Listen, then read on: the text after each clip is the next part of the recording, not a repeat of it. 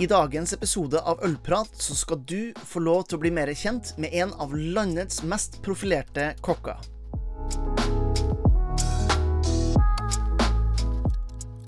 Hei og velkommen til Ølprat, podkasten som leverer entusiasme og ølkunnskap rett i øret ditt. Mitt navn er som alltid Jørn Idar, og i dagens episode så har jeg med meg en mann som jeg har gledet meg veldig til å ha med. Jeg har faktisk plaga og masa på han i over et år for å få han med, og jeg syns det her ble en kanon ølprat, sjøl om de fleste kanskje ikke kjenner han fra ølmiljøet.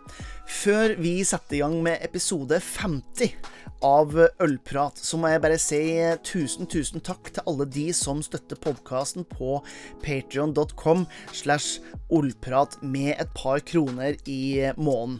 Det er med på å holde podkasttoget gående, ølentusiasmen på topp, og ikke minst engasjementet i 100. Så tusen takk for dere som er med på å støtte denne ølmisjoneringa som jeg prøver å gjøre. Nå er det dog nok snakk. Det er på tide å fylle kaffekoppen, eventuelt glasset, med noe høyt skummende, og lene det tilbake for denne episoden av Ølprat.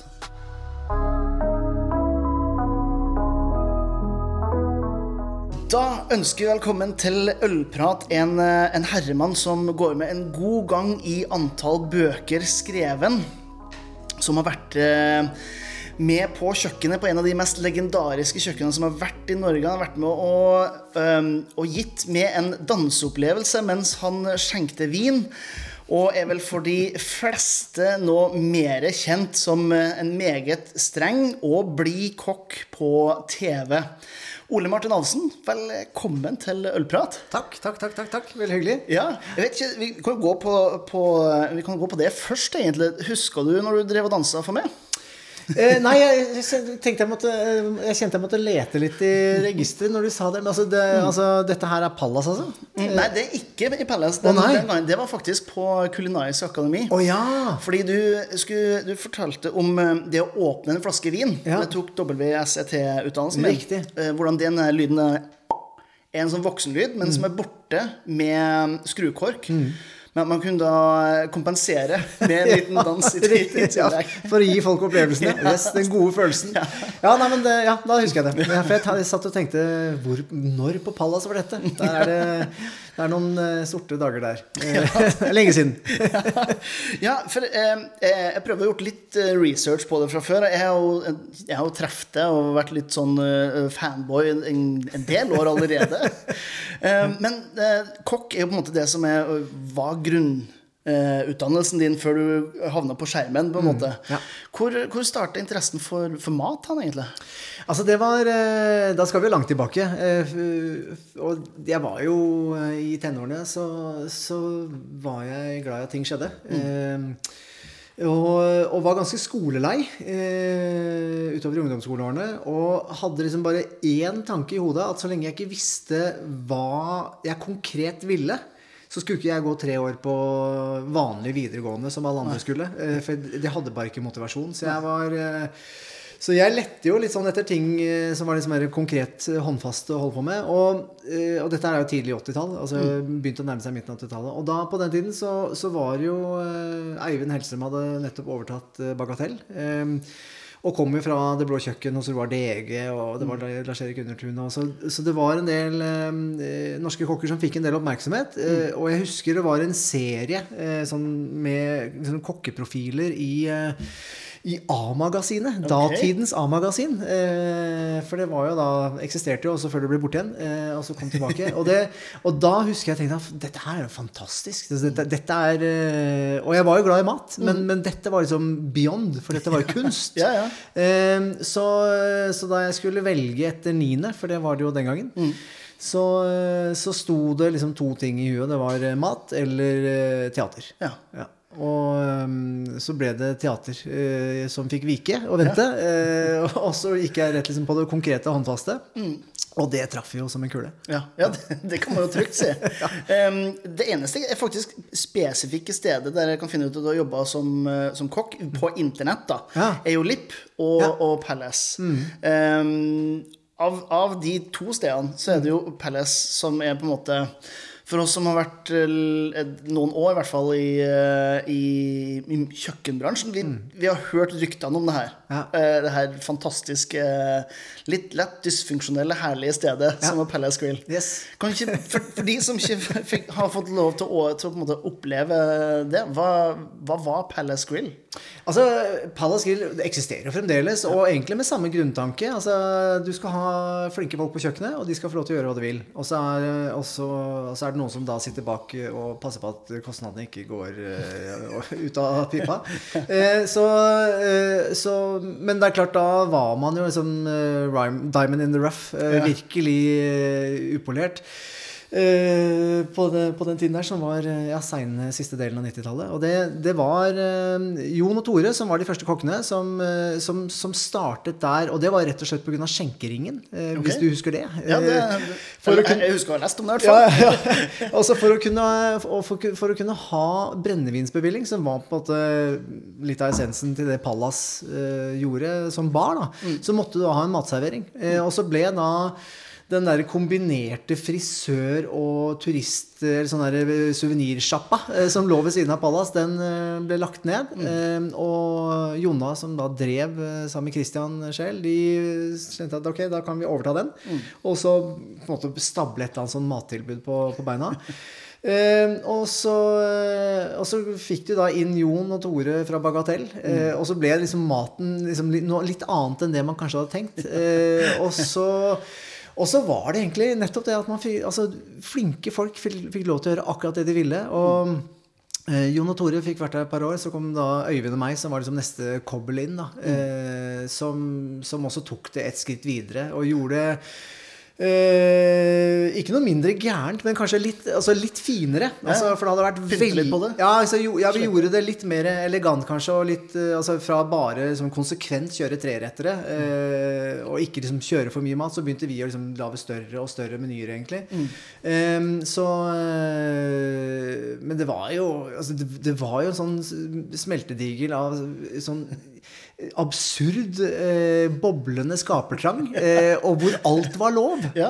Eh, og altså det å pushe grenser, altså vi, for det gjorde vi jo veldig mye. altså sånn Utfordret hverandre på Det, det går jo ikke.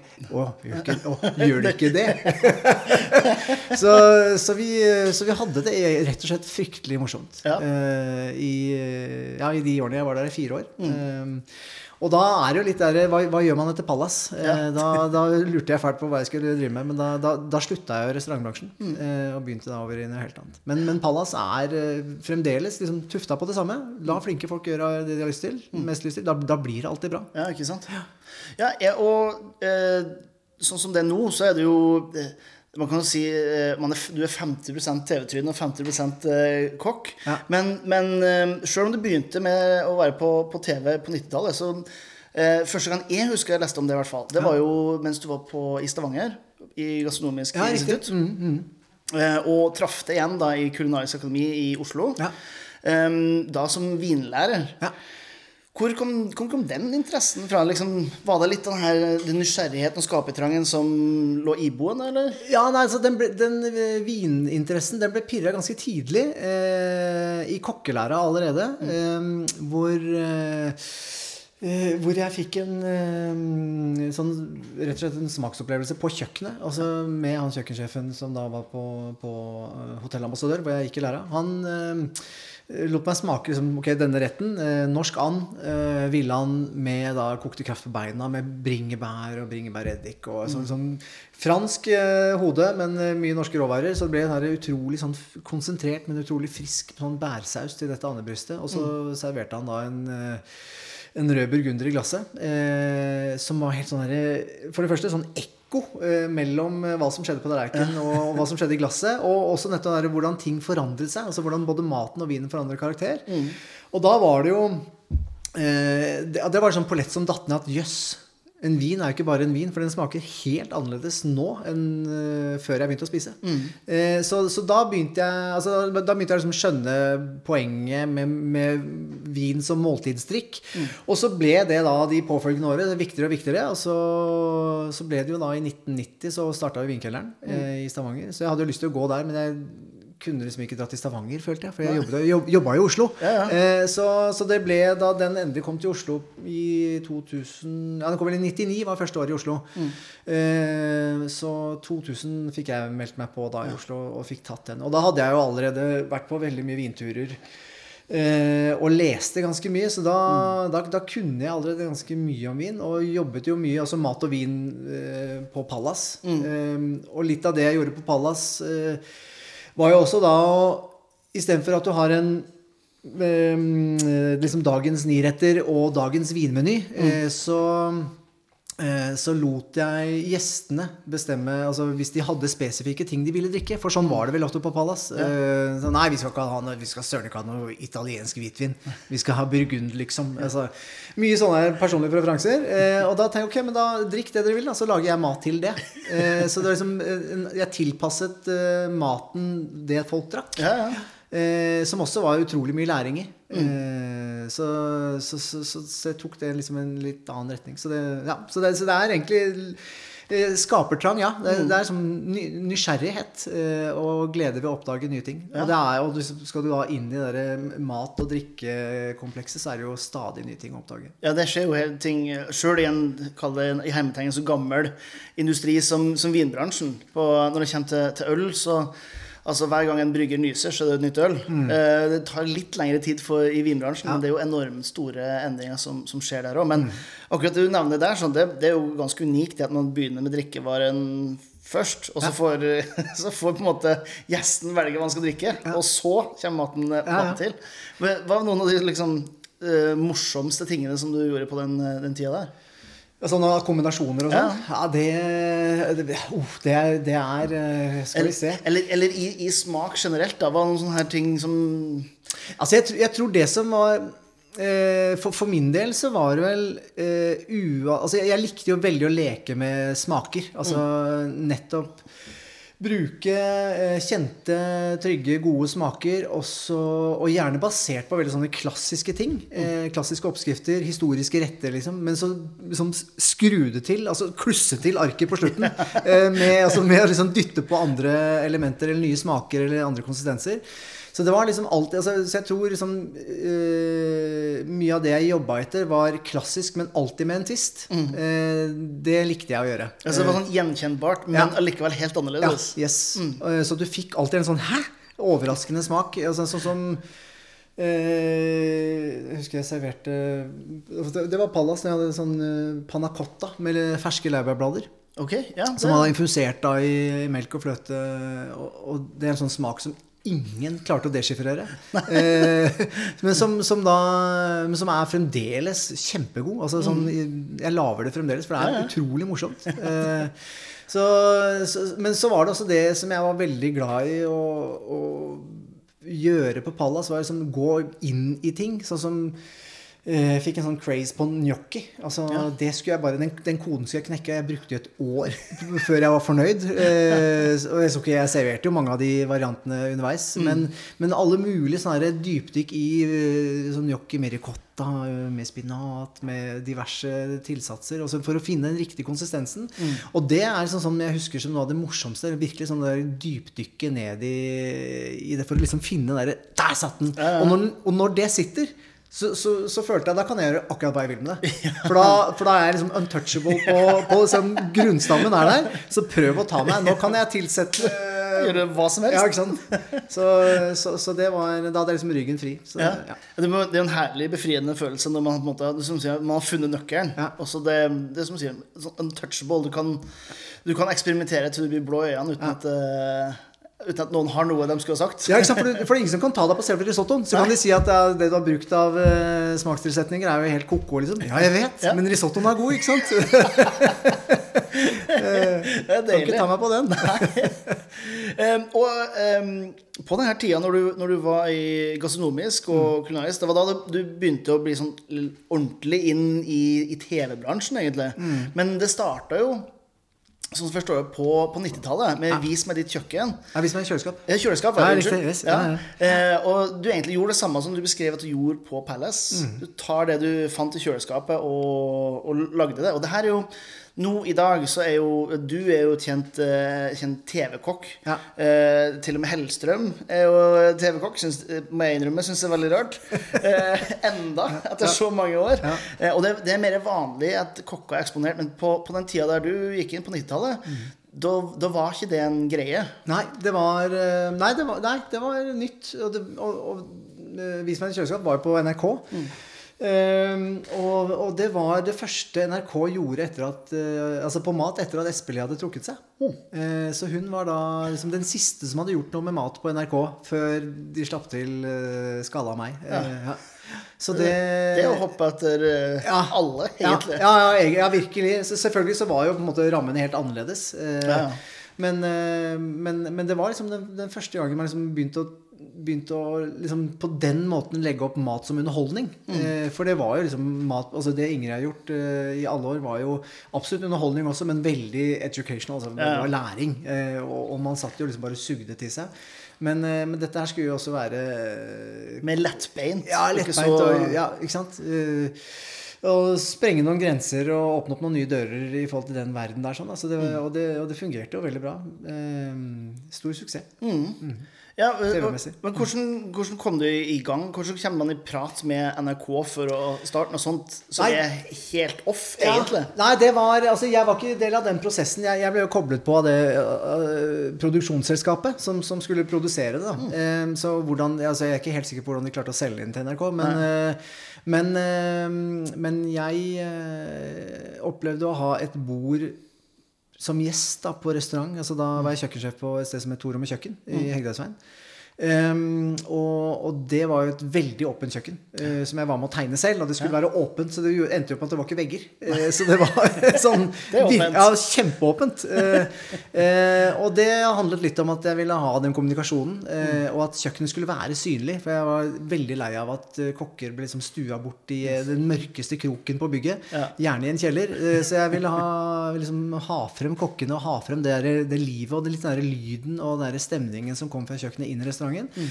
Og nettopp også at, du har, at jeg også hadde lett tilgang. Altså, så jeg var jo veldig mye ute og solgte og serverte og ja, var veldig delaktig. Og da hadde jeg et, eh, et sånt langbord en gang, husker jeg, med hvordan det var dette produksjonsselskapet. Og da sa de du må jo på TV. Ja. Eh, Forresten, vi er i gang med. Eh, Så, så var det inn på, ja, så var jeg inne på audition og, sammen med en hel haug av andre kokker mm. som man kjente. Ja, og så, så, men så fikk jeg da lov til å bli med. Eh, Altså, så du, eh, du valgte å bli kokk, men du henta inn teatret likevel i, et, i etterkant? Ja, jeg, det, det er nok kanskje litt det der teateret eller, Og det er nok litt sånn eksponeringsbehov også. Altså, litt der, og, og, og, men altså, altså, jeg, jeg får eh, Og det merker jeg nå med korona. Altså, jeg, jeg får veldig kick eh, og responderer veldig bra på å møte folk. Jeg er veldig glad i å møte folk eh, og elsker den interaksjonen med, med andre mennesker. Så det var jo naturlig for meg. altså etter å ha stått uh, innelåst på kjøkkenet i mange år, at jeg, jeg vil jo ut. Jeg vil jo se disse gjestene. Jeg, jeg vil jo vite hvem de er, og jeg vil jo ha tilbakemeldinger. Og, Du vil se når de griner på en nesa hvis de Ja, får ja, en ja, eh, panna med, Yes, med ja, ja. Eller, ja, eller hvis du prøver å utfordre dem med et eller annet eh, Se, se åssen han reagerer nå. Så skal vi prøve å servere suppa i hundeskål. Skal vi se. Det må vi se. Eh, Men eh, så, så det var nok et sånt behov eh, Og at jeg også passet til det nettopp fordi jeg var ikke så redd for det. da Altså Ja. nettopp det teatergreiene at jeg, liksom, jeg- det er lett liksom, Når du er der ute, så tar du også litt på deg en litt sånn rolle. Mm. Du, er, du kan ikke gå ut og være stiv. Nei. Du må liksom gå ut med løftede armer og hevet blikk og Ja. liksom eie, eie det litt. Ja. Så, det, så det var vel mer naturlig for meg.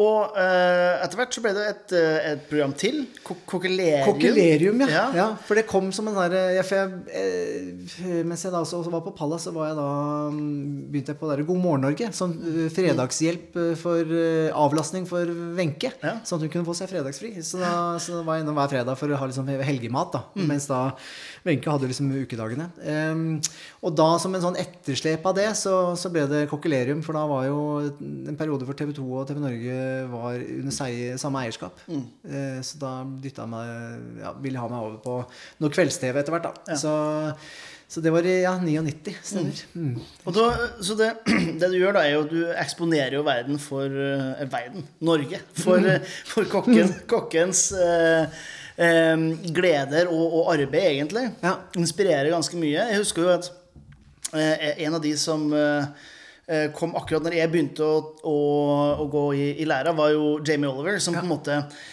fundamentalt endra hvordan eh, tenk, altså folk tenkte på en, på en kokk. Mm. Ja, ja. Eh, det, var, det var ikke noen tvil om liksom, han var lettbeint og var ganske langt unna. Opp, jeg kan dra opp Helstrup en gang til. Jeg husker jeg så en artikkel nemlig i Det, måtte ha vært i, i Appetitt. Ja. Det eneste han hadde i, i, i kjøleskapet sitt, var nyinnflydd fransk asparges, Mm. en, en gammel ost og så en skinke som ikke var så bra som den var til bikkja. det var en helt sånn spekeskinke som lå i, i der. sånn, og det, det var min sånn her um, eh, eksponering til, til kokkeyrket. Ja. Eh, fram til Jamie kom. Og du endte jo til slutt også på TV i noe som er minst like underholdende tør jeg påstå, som er Fire stjerners middag, der de fleste kjenner det fra i, i dag. Mm. Vi snakka litt om det før vi begynte å ta opp nå. Eh, 13-14 sesonger. Ja, 13 sesonger egentlig, men det er mulig at den 13. sesongen blir 14. Ja. Eh, Så den er veldig lang. veldig mye programmer vi har laget. Så, Ja. så det har holdt på noen år. Hvordan, hvordan er folks tilbakemeldinger på noe sånt? For du er jo ikke hovedstjerna der, sånn. Men Nei, nei. vi kan jo være helt ærlige at det hadde ikke vært det samme uten det. Ja. For det, det bidrar, bidrar både med den faglige tyngden og, og på en måte evaluering under, underveis. Hva, hva sier folk når de, når de, når de ser det? Nei, altså det, det er nok eh, Det er nok litt blanda. Altså, jeg, jeg, tror, jeg tror jeg treffer eh, sånn ganske bra i forhold til det jeg har lyst til med det programmet. Altså, altså det skal være Det er jo et underholdningsprogram, ingen tvil. Eh, men, men bakteppet er mat, og, og det blir veldig mye rart med alle disse forskjellige som skal prøve seg på kjøkkenet og lage mat til hverandre. Og da har liksom hele tanken min alltid vært at men, da er jeg det derre ankeret som, som på en måte bidrar med liksom fornuft inn i galskapen. Eh, og som er litt der, ja, håndfaste og konkrete og, og matnyttige, da, som, som er fagkunnskapen min.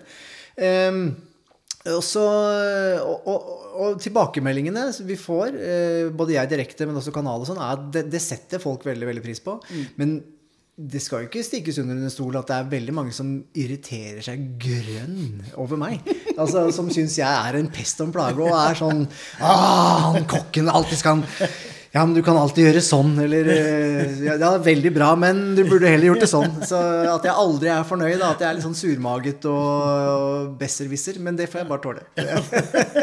Så jeg, jeg tenker at eh, jeg, jeg, Som du sier, jeg skal, ikke, jeg skal ikke ta på meg æren for å være noe mer enn de andre i det programmet, men, men i hvert fall at jeg, jeg, den, jeg prøver å fylle den rollen med det der matfaglige så godt jeg kan. Da. Og, og at det er en eh, faktisk misjon. Altså, jeg tror det betyr noe. Jeg tror eh, Hvis jeg kan få sagt at det her Ja, ok, jeg ser hva du gjør. Veldig vanlig feil. Gjør heller sånn. Ja. Eh, så, så vil det gå inn. Altså Folk blir litt mer oppmerksom på hva de gjør i hverdagen. Eh, og så håper jeg ikke at alle som mange sier at de, de føler at de har der Ole Martin på ryggen, styggen på ryggen. Sånn, jeg må ikke gjøre det sånn, da. Men, men altså, at, man, at man sitter igjen likevel med noe positivt da, som, som man kan ta med seg. Det har i hvert fall vært målet mitt. Ja, ja. ja, Det er jo et litt sånn uheldig eh, kallenavn å få, da, som styggen på ryggen. Uansett hvilken bransje. Ja, sant? ja det, definitivt. Men, eh, men noen av de tilbakemeldingene jeg har fått, så er det virkelig Jeg, jeg er verre enn styggen på ryggen. Jeg er mannen bak der igjen, liksom. Så. Eh, Jeg kjenner det jo bare som hyggelig. Som styggen på ryggen. Det er litt sånn, sånn ukarakteristisk. ja, men det er, det er eh, Det er noen som mener det. Jeg, og jeg, jeg kan jo skjønne det. Jeg kan jo være ganske spydig og sarkastisk i tonen hvis jeg, hvis jeg vil. Eh, Så, eh, så det får jeg tåle, altså. Ja. Stikke huet frem, så får man tåle litt juling. Ja. Og eh, første, gang, første gang jeg hadde sånn ordentlig kontakt med det, det var jo i forbindelse med en av de her elleve bøkene som du har, har skrevet. Um, og det må jo ha vært i forbindelse med Piemonte-boka. Ja. Da du kontakta meg, og du ville gjerne ha med øl fra Birra Balladin Ja. i, um, i Italia. Og, Yes. og fram til da så Jeg må innrømme at fra jeg var 16 fram til eh, jeg var noen og 20, så var det jo vin som var greia for meg. Mat og vin. Det var det eneste. Og så tok øl rimelig mye over. um, og etter hvert så var du ikke så aktiv i manesjen på kjøkkenet. Men du har jo fått da mer profesjonalisert din uh, interesse for, for drikkevarer, og kanskje spesifikt vin. Um, hvorfor ville du ha med deg en, et bryggeri inn i en, uh, i en vinbok? Altså, områdebok? Det. Ja, for det er jo det, det er akkurat det som var poenget mitt. da, At dette her er ikke bare en vinbok. dette er en, eh, Boka skulle hete Piemonte. og ja, så Vi skulle dekke vinregionen Piemonte, men også det gastronomiske skulle vi også skrive om. Og da sa jeg at det er eh, da er det, da er det viktig å få med noe annet også, selv om hovedvekten skal være vin. Eh, Men, men eh, med det lille jeg da hadde fått med av, av Musso sin, eh, i sitt virke nede på Bira Barabada, som, som på en måte Jeg følte at det hadde sin plass, da. Mm. Fordi det er det, handler om mat og drikke. Eh, det handler om eh, spiseopplevelser og, og, og gode opplevelser som, eh, som man får ved bordet. Og der tenkte jeg de må jo være med. Altså, det, er, det står ikke noe tilbake for veldig mange av de andre vinprodusentene vi hadde med. Nei. I forhold til i sin sjanger. Eh, Så, så det Og det var jo egentlig ikke noen diskusjon. Folk syntes egentlig bare Eller redaksjonen og alle de andre involverte syntes det var en veldig god idé. Eh, Så, eh, nei, så, så det var gøy. Ja. Eh, jeg er fremdeles veldig fornøyd med at vi fikk det med. ja. så, også så tidlig. De hadde jo så vidt eh, begynt å Dere hadde vel akkurat så vidt begynt å importere dem? Her i, her i Norge så var det, yes. Mm. var det ganske så ferskt, ja. Det, det var det. Og, og akkurat der må jeg innrømme at der er jeg ikke så godhjerta som det du er når jeg snakker om, om mat og drikke. For at jeg, jeg ser jo litt ned på Det er jo fiktivt, da, for jeg har jo mesteparten av min, min sånn her faglige utdannelse jo vin. Mm. Men, eh, men jeg, jeg ser jo litt ned på vinen når det kommer til Ja, det. Er måte, det er litt min måte å få fram eh, ølens eh, posisjon. For- Snakke den vinen ned. Ja, for er, altså Vinen er allerede så høyt, høyt oppe. Men, Mm. men for din del, så du snakker jo om drikke som Altså i helheten, Mm. ikke sant? Mm. Du starta jo Oma etter hvert, Ja. som jo er det her En hel serie med drikke, drikkevarer. Ja. eh, Hvorfor vil man det når man på en måte er? Eh, nei, altså Jo, men det er kanskje Jeg er jo ikke bare kokk, vet du. Det er jo litt der at jeg, jeg har jo vært så heldig å få lov til å gjøre mye gøy underveis. Og nettopp at jeg tok vinkelnerutdannelsen nå og, i 2000. eh, og med påfølgende VZ-diploma, eh, sånn toårige delen der, sånn, så, så er det jo Siden 2002 så har jeg jobbet eh, minst like mye med, med vin, eh, eller la oss si drikke, eh, som med mat. Og, og i perioder mer. Altså, både med da ansvaret for vinkelleren etter hvert, og med alle disse VZ-kursene.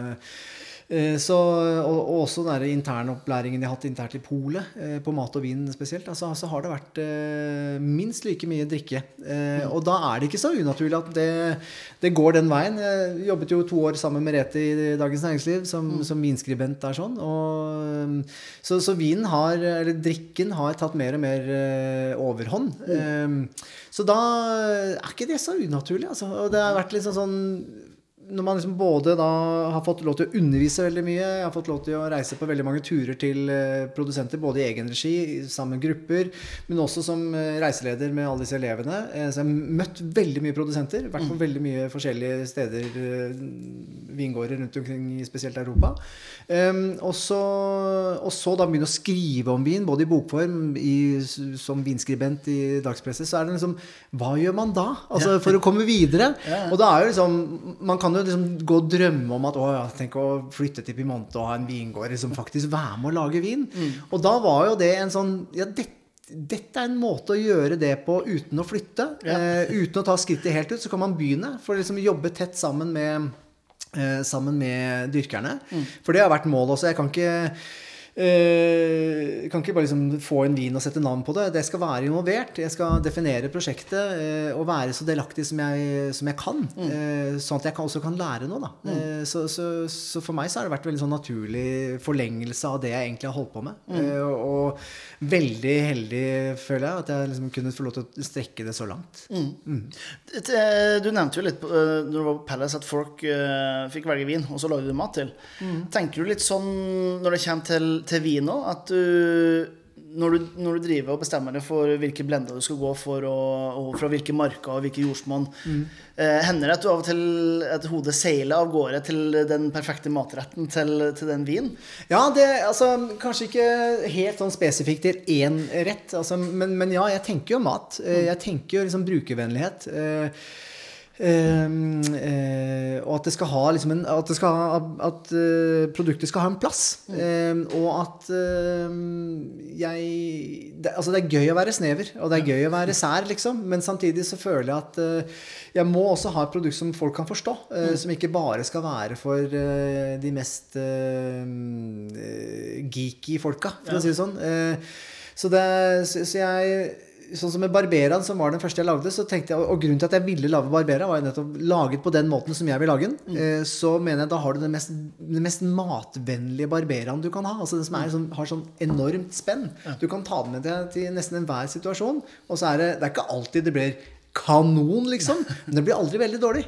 Eh, og, og derfor var det liksom en sånn fin måte å starte et sånt prosjekt på, med noe som er veldig sånn folkelig. Eh, og, og det er lett å snakke om, og det er lett å forstå. Eh, og det er en drue som er lett å forstå også. Og, og da man ser jo også eh, at det er jo en sånn drue som folk liker. Eh, salgstallene på en Barbera har jo skutt i været de siste ti åra. Ja.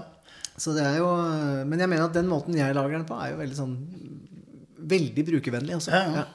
Ja, det, jeg har en sånn, eh, sånn teori når han som hadde drikkelære med meg, når, når, når jeg tok det at uh, Før din tid, selvfølgelig. Det, var, det var et sånne ting som chablis og champagne og sånt. Det var, det var så populært for at folk greide å uttale hvordan det var. Og derfor Ja. så gikk salget av tysk vin nedover, for du greide ikke å uttale Uttale- gebustraminer og eh, Ja. i det hele tatt. Jo, ja, folk ble redd bare de så etikettene. eh, Med sånn Vinen het noe på tre linjer. Du kan ikke uttale alt det. Erner Trepchen uh...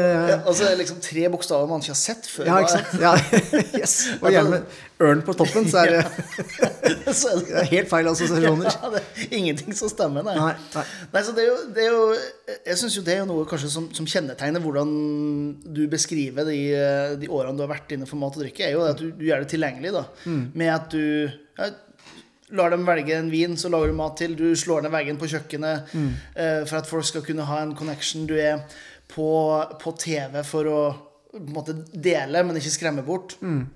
Hvordan eh, Hva tror du ølbransjen kan lære av en, en, en sånn holdning? Jeg syns jo ølbransjen i mye større grad er der enn vinbransjen. Eh, og det er det som er så deilig med ølbransjen. Altså, for den er, det er, mye lavere skuldre. Eh, og det, så sånn sett så, så, så måtte jeg føle at ølbransjen har, eh, har altså er, er der, ja, der det skal være. Har, har en fordel i det? ja, liksom. ja, absolutt. For det er noe med å I hvert fall nordmenn blir jo liksom irritert av folk som eh, snobber. Altså, Ja. det, det blir sånn øh. og, og, det, og det å liksom utilgjengeliggjøre, det å vanskeliggjøre noe fordi du skal hegne om det, det er så feil tankegang. Eh, for du blir egentlig ganske uinteressant. Det er mye kulere med folk som deler.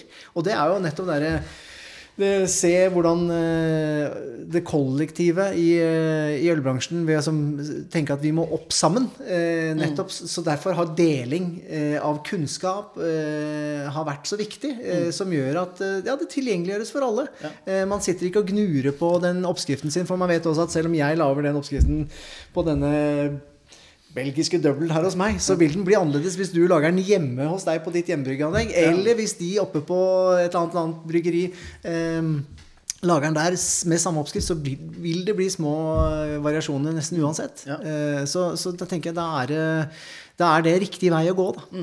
Man får jo mye mer glede av det. Ja, absolutt. Vi snakket jo litt om det før vi starta. En av de tingene som gjorde meg så, altså at jeg ble så tiltrukket til, til ølbransjen i forhold til vinbransjen som jeg kom inn, det var jo det at det er sånn kameratskap på et helt annet uh, nivå. Og da har vi jo heldigvis vært uh, spart for det i Norge, at det er noe sånn her stor drama. Til, til og med de store og de små bryggeriene kan eksistere i samme rom uten at det blir uh, knivslagsmål Ja, ja, ut, ja. ut av det.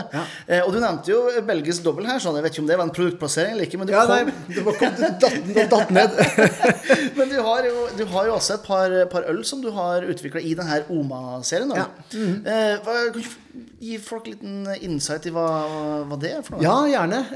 Det var, og det var veldig, veldig gøy. Eh, fantastisk eh, fin prosess. Eh, altså, jeg har, eh, jeg, jeg har ikke noe voldsom erfaring med å brygge øl fysisk selv. Eh, jeg har hatt veldig mange kamerater som er veldig opptatt av det, så jeg har vært liksom litt involvert. Og, men jeg, noe, jeg, har aldri brygget hjem øl hjemme selv. Eh, så, men samtidig så har jeg jo Jeg har jo jobbet ganske mye med øl også, samtidig som det har liksom vært snakk om vin her i dag. Men jeg har jo, da øl begynte å liksom flytte på seg, så, så, jobbet jeg mye med noen bryggerier i forhold til øl og mat i kombinasjon. Og jeg har vært på liksom studieturer for å liksom jobbe meg litt opp på dette her. Sånn. Så, jeg, ja. så jeg føler at jeg har liksom en sånn ganske god basiskunnskap, og så vet jeg hva jeg liker. Ja. Og det er kanskje det aller viktigste. Og så er det kanskje no, mange som eh, Og det er kanskje interessant hva du mener om det, som, for du har jo smakt disse ølene nå, men mm. noen innenfor ølverden mener at jeg lager eh, øl for vindrikkere. Mm. Eh, og det kan jeg kanskje forstå eh, til en viss grad. Altså Det er litt sånn vinøst øl uten at det er syrlig, liksom. Det er ja. ikke det det er snakk om. Men altså, det har en Ja, jeg, jeg liker jo litt derre Jeg liker liksom Eh, ikke for kompakt ølstil. Mm. Eh, og det er jo det som jeg da skal prøve å dra meg inn, altså mine tanker sånn, så inn sammen med de som jeg har lagd øl med, og Cameron, som jeg brygget sammen med mm. eh, nede på Skauskjelleren. Eh, var ekstremt flink til å skjønne hva jeg mente. Mm. Eh, også, og liksom, han skjønte umiddelbart når vi snakket om ting. Men jeg, jeg kunne også komme med liksom, preferanse på humletyper, og sånn, og da skjønte han jo så liksom, stil og retning. Ja.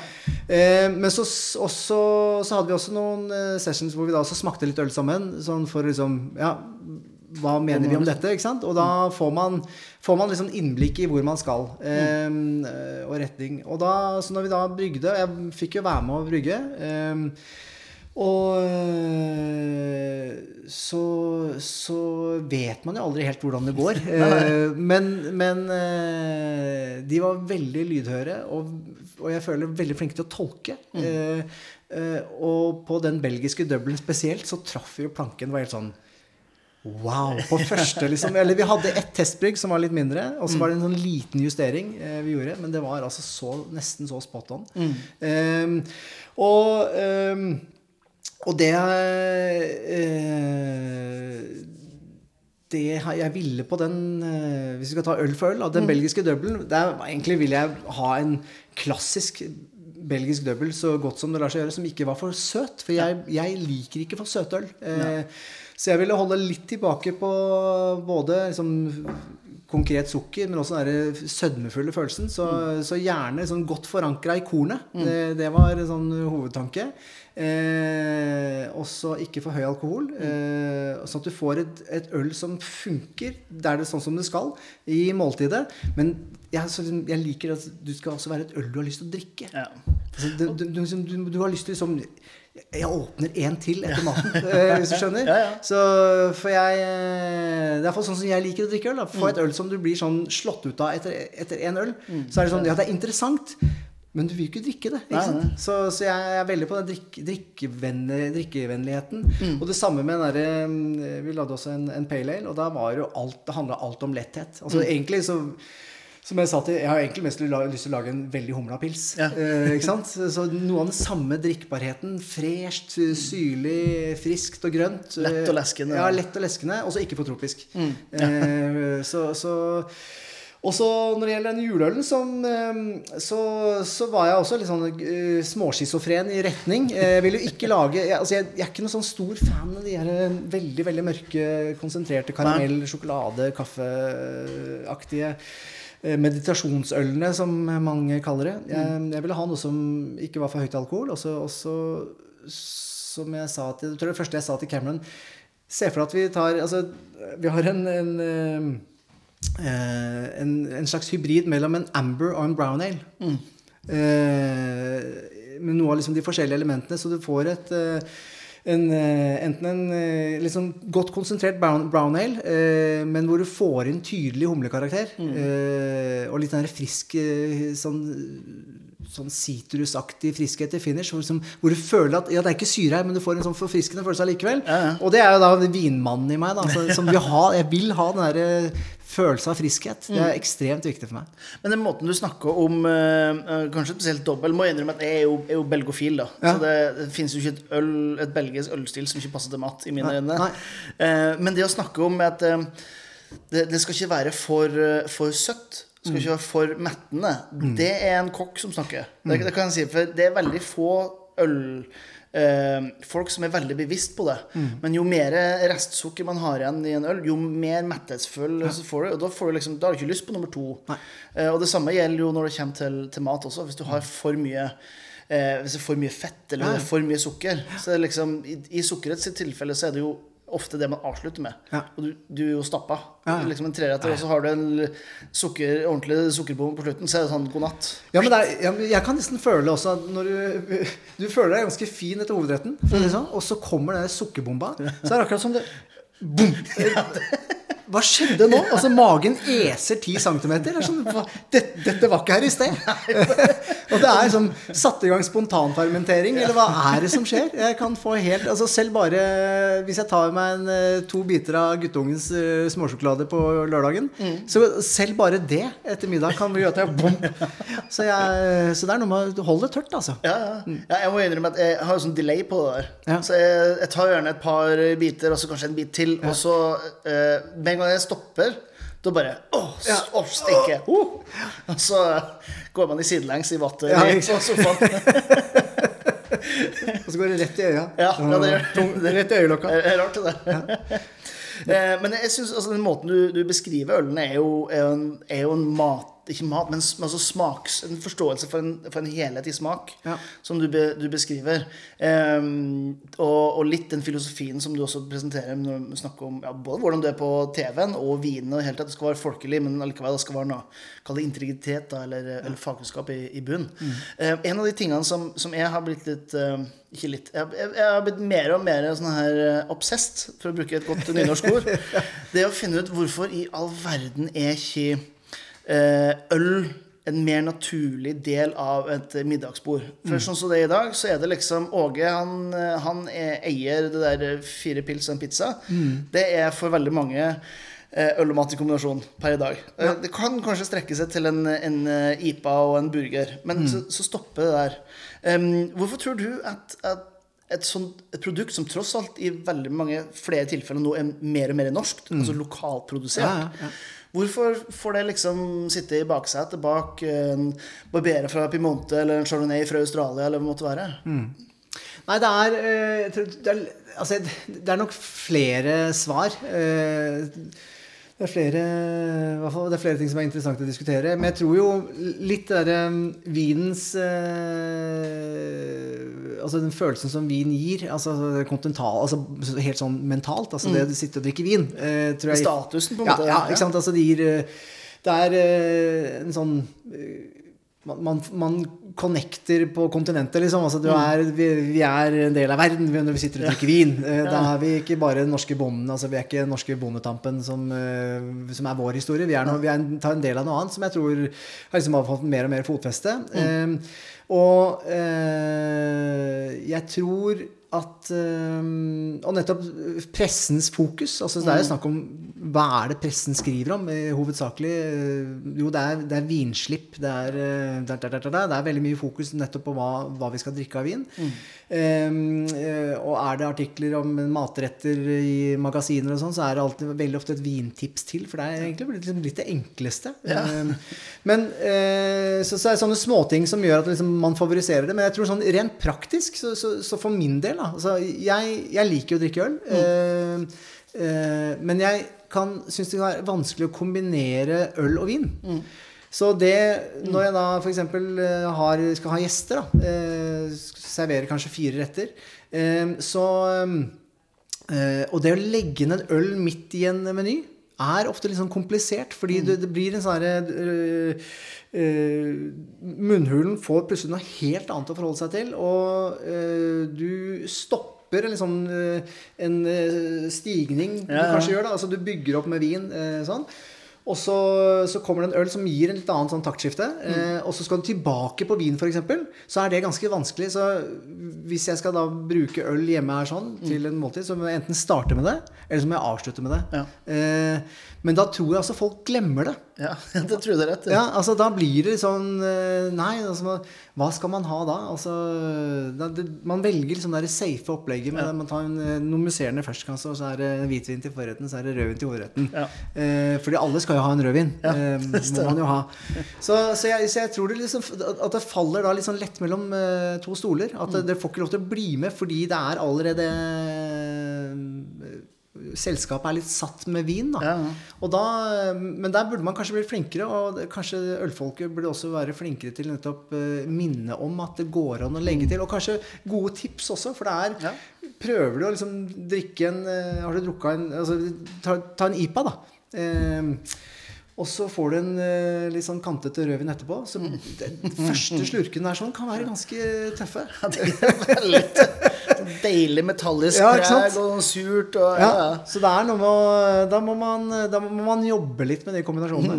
Mm. Så Men det er som du sier, jeg er helt enig nettopp der at vi, vi, vi er jo en ølnasjon i Ja. utgangspunktet. Eh, Og eh, dessverre Jeg skulle ønske at det ble også brygget eh, eller nei, ikke brygget, men dyrket mer korn og malta mer korn her i landet. Det er begynner å skje litt her nå også. Mm. Ja, så, det det så at det kunne liksom være helnorske øl, liksom. Ja. Ja. Ja, det er jo noe som for seks år siden var helt uaktuelt. Ja. Og nå er det jo uh, fem malterier i Norge, så det, det går rett veien. Hum, humle kommer vi dessverre aldri til å Eller det skal aldri aldri, vi vet aldri hva som skjer med temperaturene på utsida i hele tatt. Men eh, enn så lenge så må vi jo kjøpe det. Men du er inne på mye. Jeg, jeg, må innrømme, jeg, jeg har plaga veldig mange folk med det. Jeg, har, jeg, jeg, hadde en dag der jeg ringte 30 forskjellige stykker innenfor eh, vin og mat og øl, og liksom prøvde å spre det utover. Og det, det er inne på veldig mye av det samme som, som det du sier. Um, eh, en, eh, faktisk fra Balladæ eh, nevnte jo det at eh, italienske vingårder har jo brukt 40 år med, med ren markedsføringsarbeid for Yes. å få, få det på matbordet. og eh, Pressen som du sier, er jo nesten ikke-eksisterende når det kommer til, eh, til øl. Det er jo ikke selv om jeg, setter pris på en italiensk vinbonde sin dedikasjon til eh, marka og, eh, og på en måte det råvarene og det endelige produktet, så er det jo mer spennende å høre om Sverre på Jæren som gjør det samme eh, med en brygger der. Eh, sånn personlig, men det er jo kanskje litt farga hvor hvilken leir det sitter, sitter i, da. Jeg må, jeg må innrømme, jeg må innrømme det. Så, men eh, altså, du er inne på mange det et komplekst bilde. Ja, for det er noe, med det som eh, Selv mine foreldre, da, eh, som, eh, som ikke hadde noe vinkunnskap whatsoever Men så liksom, man plukker opp litt og litt, nettopp som du sier. Da, for det, det er liksom, de er litt offer for, for eh, det som skrives, og den markedsføringen som man bruker lang tid på å liksom, informere og oppdra eh, folk med. Mm. så, så, så de kunne liksom Etter hvert så satt en del sånne kombinasjoner. At eh, ja, ja, da, da kan vi ha eh, chablis eller sancerre da, til aspargesene, for det er godt med sauvignon blanc og, og asparges. Det er liksom, noen sånne ting hadde de fått med seg. Ja. Og det er klart, eh, Men det har tatt tid. Eh, det er akkurat det at det må inn i en slags sånn dagligtale. Ja. Eh, og, og da blir det jeg tror det er veldig viktig at når eh, noen får spørsmål Ja, hva skal vi drikke til, da? Jo, altså, det må komme opp noen sånne sannheter. Mm. Ja. Altså at eh, jo, du drikker en IPA, skal du drikke til en belgisk double? Ja, ja, ja. ja, altså, altså at, at folk får noen knagger, eh, sånn at det går an å orientere seg. Ja, fordi at eh, Folk har jo blitt lurt til å tro at du skal drikke Bordeaux med hvit fisk. Ja. Så da tenker jeg at ja. hvis, man greier, hvis man greier å lure folk med det, så må man greie å få folk til å forstå at, uh, at øl og mat eh, kan være helt ærlig. Ja, det er en, eh, det er, men det er en ganske rar historie. Altså, mange forskjellige historier rundt det. Men, men akkurat det der rød bordeaux til fisk eh, Digresjon for øvrig. Men, Ja, men har, du, har du hørt historiene? Eh, altså, sånn som jeg forstått det, så er det jo at det var et produkt Altså, det, det beste man kunne ha, det var, det var eh, skrein. Ja. Og det beste vinen du kunne ha, var Bordeaux. Og dermed måtte jo nødvendigvis de to gå sammen. Yes. Så enkelt. Ja. Og så dumt. Det er helt fantastisk. Men det er som, men en ting som, har, eh, som allikevel som har en sånn eh, for, formildende omstendighet da, rundt det, er jo at den bordeauxvinen man da gjerne drakk, eh, var jo mer av den der engelske claret-stilen. Altså sånn, som, som ikke er så konsentrert og kompakt som den vi ser i dag. Eh, så, så den var nok en litt sånn lettere, eh, friskere stil. Eh, heldigvis. Ja. Eh, men, eh, for for jeg, kan godt, jeg kan godt like å drikke rødvin til torsk, mm. men, men bordeaux Nei. Ja, det, Nei, nei. Ikke, ikke helt innafor, nei. nei, men eh, veldig bra. Du, du har brukt masse tid. Tida har flydd uh, veldig raskt. Jeg setter veldig, veldig pris på det. Ja, den gjør det i godt selskap. Og eh, jeg har jo et spørsmål eh, som jeg stiller alle sammen som er med på Ølprat. Og det er jo um, her og nå. Hvis du skulle tenkt deg en, en god øl- og matkombinasjon, hva ville det vært? Det er jo så mye. Det, det er jo Hvor skal man begynne hen, liksom? Vi kan jo begynne med, vi kan begynne med, med liksom konteksten. da Vi er på en tirsdag. Ja. Det er litt regn i lufta ute, men det er vår, det er grønt på trærne. Ja. ja. Uh, nei, altså det er uh, uh, Altså man, Det er lett å tenke litt sånn vårlig. Mm. og eh, selv om det ikke sola skinner, så, så får man Man får liksom lyst på Man vet at det, er, det begynner å nærme seg norsk asparges. Eh, og det er jo eh, noe som er uh, deilig å sette tenna i. Eh, Så eh, jeg syns norsk asparges, og det liker jeg å variere. Men du kan grille det, du kan selvfølgelig dampe det. Jeg liker det til og med å spise rå i salat. sånn, Jeg synes det er kjempegodt. Men, men hvis vi tar utgangspunkt i det, da, så snakker vi om en ganske sånn lett utgangspunkt. Mm. og Eh, en ting som jeg har gjort med asparges uh, som jeg syns er veldig veldig godt, er um, uh, egentlig en sånn kombinasjon av to retter. Mm. har du vært borti Piemonte, så får du noe som heter carne crudo. Nei, det er ikke Nei, det er, det, er, det er en sånn hakka kalvetartar, egentlig. Oh, ja, ja, ja. Og det er liksom kalvekjøtt som du da skraper eller hakker. Um, og altså bare blande med sitron, salt, pepper og bitte, bitte bitte litt hvitløk. Og det skal være sånn, sånn touch som bare som ligger der, og så god linolje. Eh, og det å liksom eh, lage en sånn liten del av det, eh, og så man vender inn med, eh, med nykokt asparges, så det liksom blander seg rundt som sånn små Som egentlig bare er med å tilføre smak og litt sånn umamiløft. Ja. Eh, og så kanskje man eh, Ja, man må rive på noe parmesan, da. Eh, Så har du liksom fått noe som er fryktelig godt. Eh, Drysse over noe ramsløk, kanskje. kan være så godt, Noe ramsløkolje. Men eh, eh, hvis vi tar utgangspunkt i det, så, så, så har jeg veldig lett for å trekke Eh, mot et eh, selvfølgelig lyst øl. Eh, vil ikke gå mot mørket mørke. Det passer ikke helt sesongen heller. Og, og, og da, i veldig sånne få tilfeller, at jeg har lyst til å drikke hvetøl. Eh, for det er noe med den derre eh, følelsen av friskhet. Du får den lille kremetheten. Eh, sånn sitrustoner som jeg syns liksom frisker og lesker veldig godt. Og, og hvis det er litt sånn koriandertoner også, hvor du liksom får de liksom grønne assosiasjonene, kan fungere veldig, veldig, veldig godt. Eh, Eh, Bøgedal lager en eh, variant eh, som jeg ikke husker nummeret på, men altså, de lager en veldig veldig god en som, som jeg har hatt eh, stort hell med før. Eh, også, også, også Balladin eh, lager en eh, Isak, ikke heter? Jo, stemmer det. Som også har hatt akkurat til det. eh, som er, syns, jeg er sånn deilig å sitte og spise. Og det er sånn vårlig både i glasset og på tallerkenen. Mm, helt sånn vår-jackpot, rett og Ja, ja, ja, ja. Yes. Tikke i alle boksene. Ja, ja. ja nydelig. Du, Ole Martin, det her var helt uh, fantastisk hyggelig. Ja. Eh, som takk det samme. Jeg har jo vært fanboy ganske lenge. Og må, må innrømme at jeg har jo, jeg har jo stalka det og masa i et, et år for å få til det her, så jeg er veldig glad for at vi fikk ta en liten eh, prat nå. Ja, endelig. Så slipper koronaen opp. Ja, det, det er deilig. Det er Ja, veldig, veldig bra. Du, Ole Martin, tusen takk for at du ble med på en eh, ølprat. Takk. Veldig hyggelig å få bli med. Tusen takk til Ole Martin for en meget god ølprat, og ikke minst tusen takk til det som hørte eller så på denne episoden. 50 episoder har gått. Jeg setter virkelig pris på å ha dere med, og hvis du ikke har gjort det allerede, så setter i hvert fall jeg veldig stor pris på om du kan eh, gi denne episoden en tommel opp, en liten review, eller hva det måtte være på den plattformen du konsumerer ølprat på.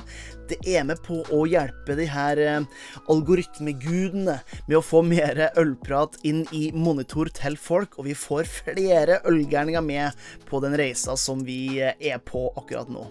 Som alltid, hvis du har lyst på mer inspirasjon når det kommer til øl og mat, så kan du sjekke ut uh, Jørn Idar med høyt skum på Facebook og Instagram.